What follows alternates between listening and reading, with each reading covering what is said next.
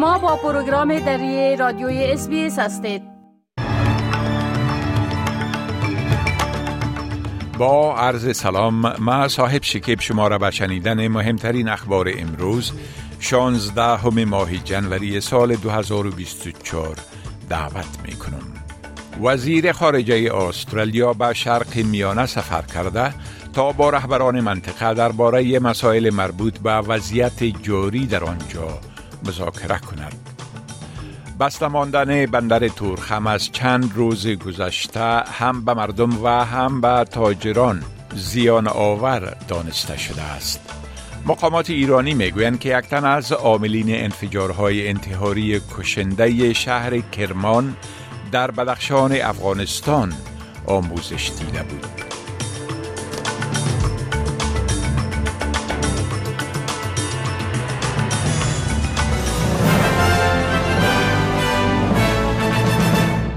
تفصیل اخبار پینی وانگ وزیر امور خارجه استرالیا در حال به اردن اولین مقصد سفرش به شرق میانه مواصلت کرده که سازمان های امدادی هنوز هم به تلاششان برای انجام مذاکرات آتش بس در غزه ادامه می دهند.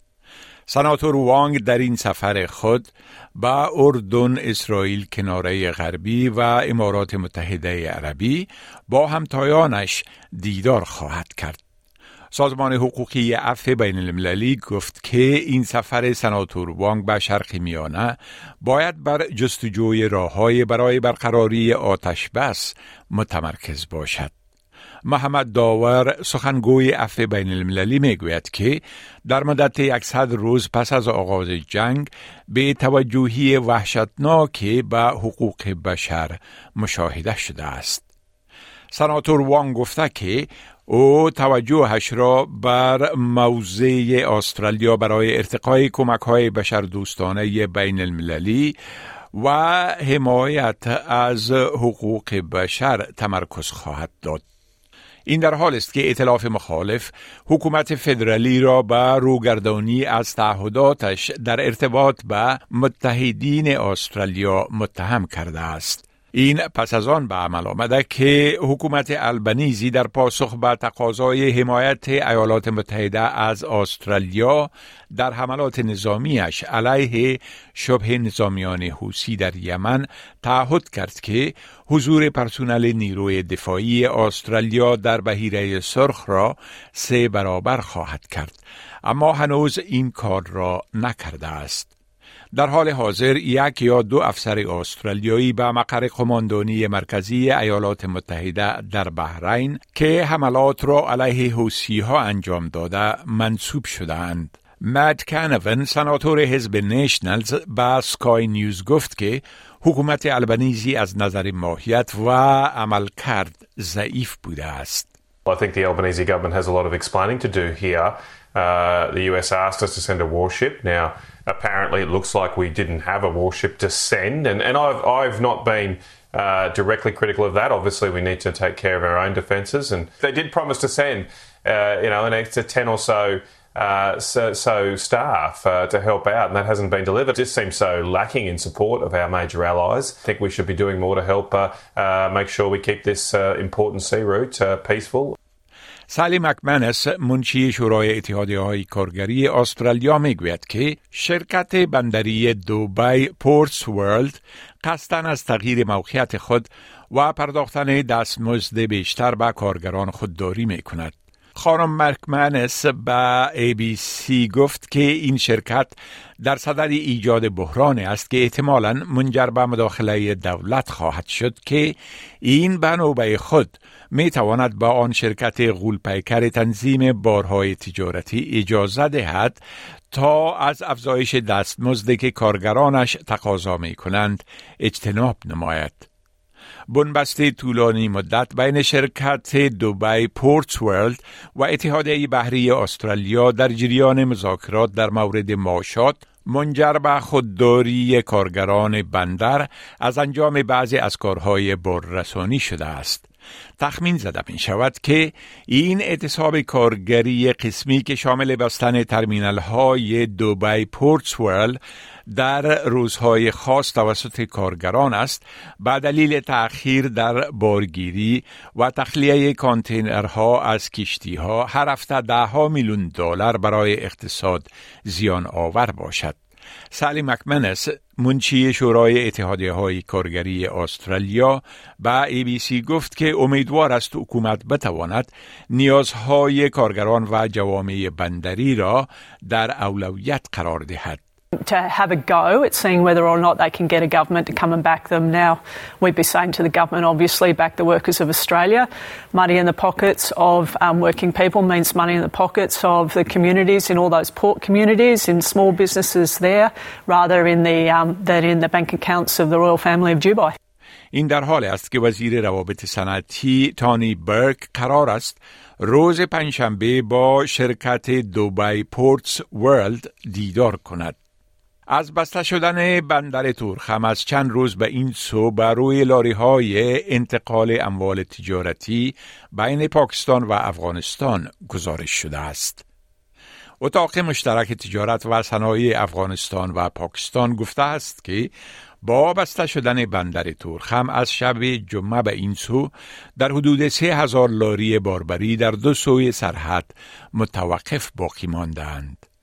پاکستان و افغانستان از رانندگان لاری های باربری می خواهند که برای عبور از سرحد باید پاسپورت و ویزا داشته باشند ولی اکثر رانندگان افغان این اسناد را ندارند. خانجان الوکوزای مسئول اتاق مشترک تجارت و صنایع افغانستان و پاکستان گفته که این بندش به تاجران هر دو کشور خساره وارد کرده و همچنان باعث افزایش نرخهای مواد ضروری به خصوص غذا شده است.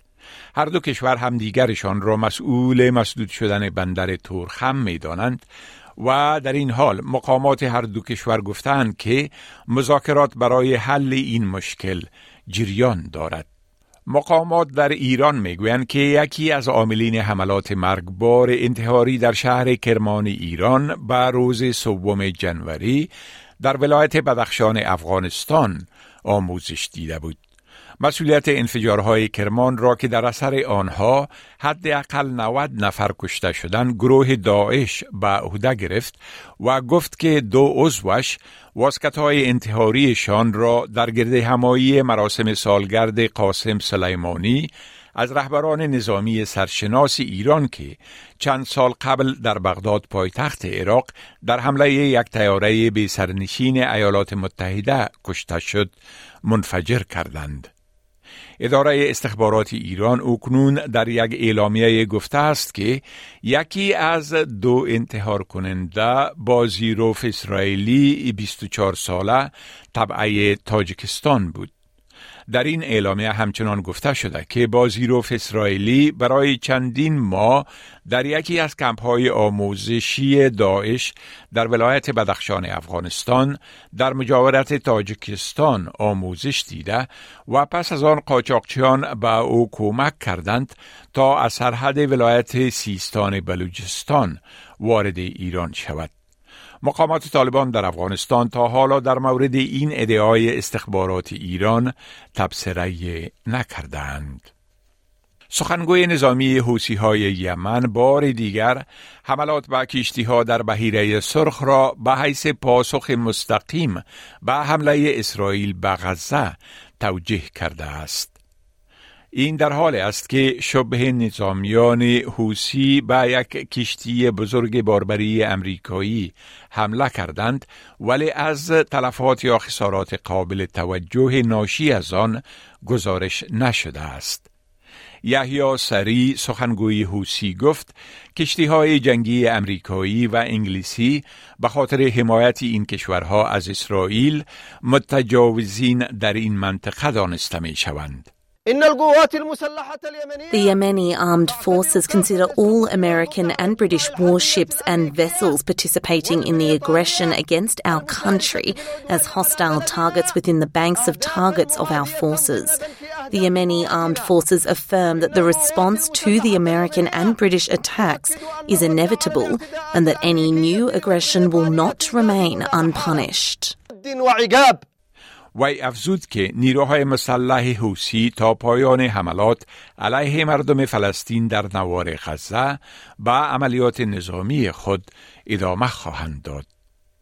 حکومت فدرالی اعلام کرده که استرالیا از سال 2025 تولید میزایل ها را آغاز خواهد کرد.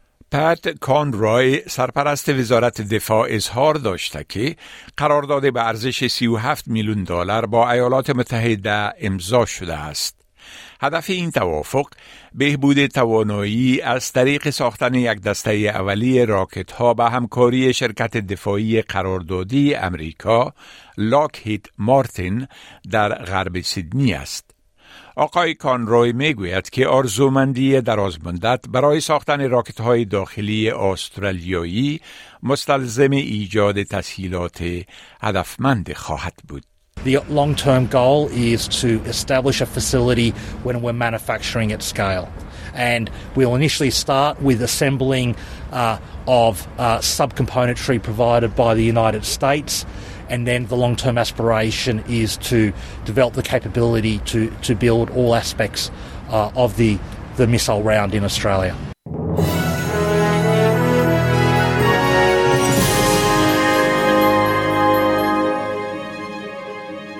حال اخبار ورزش. ارزش دلار استرالیایی در برابر اسعار جهان و وضع هوا برای فردا.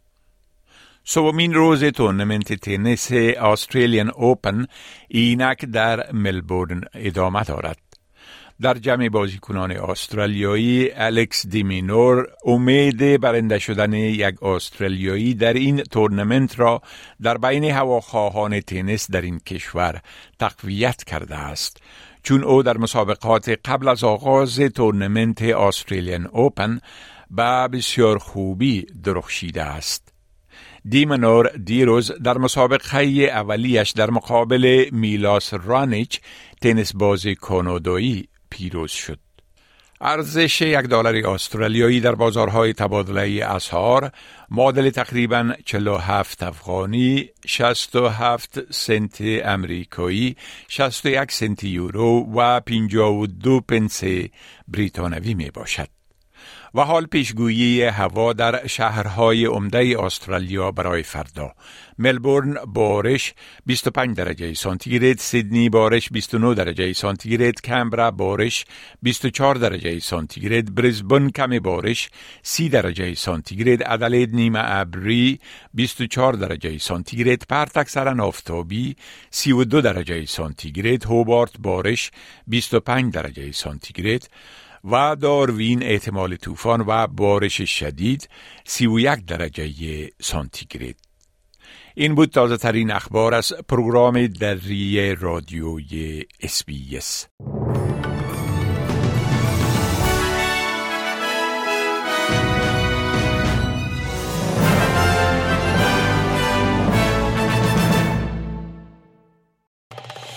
بپسندید شریک سازید و نظر دهید. اسپیس دری را در فیسبوک تعقیب کنید.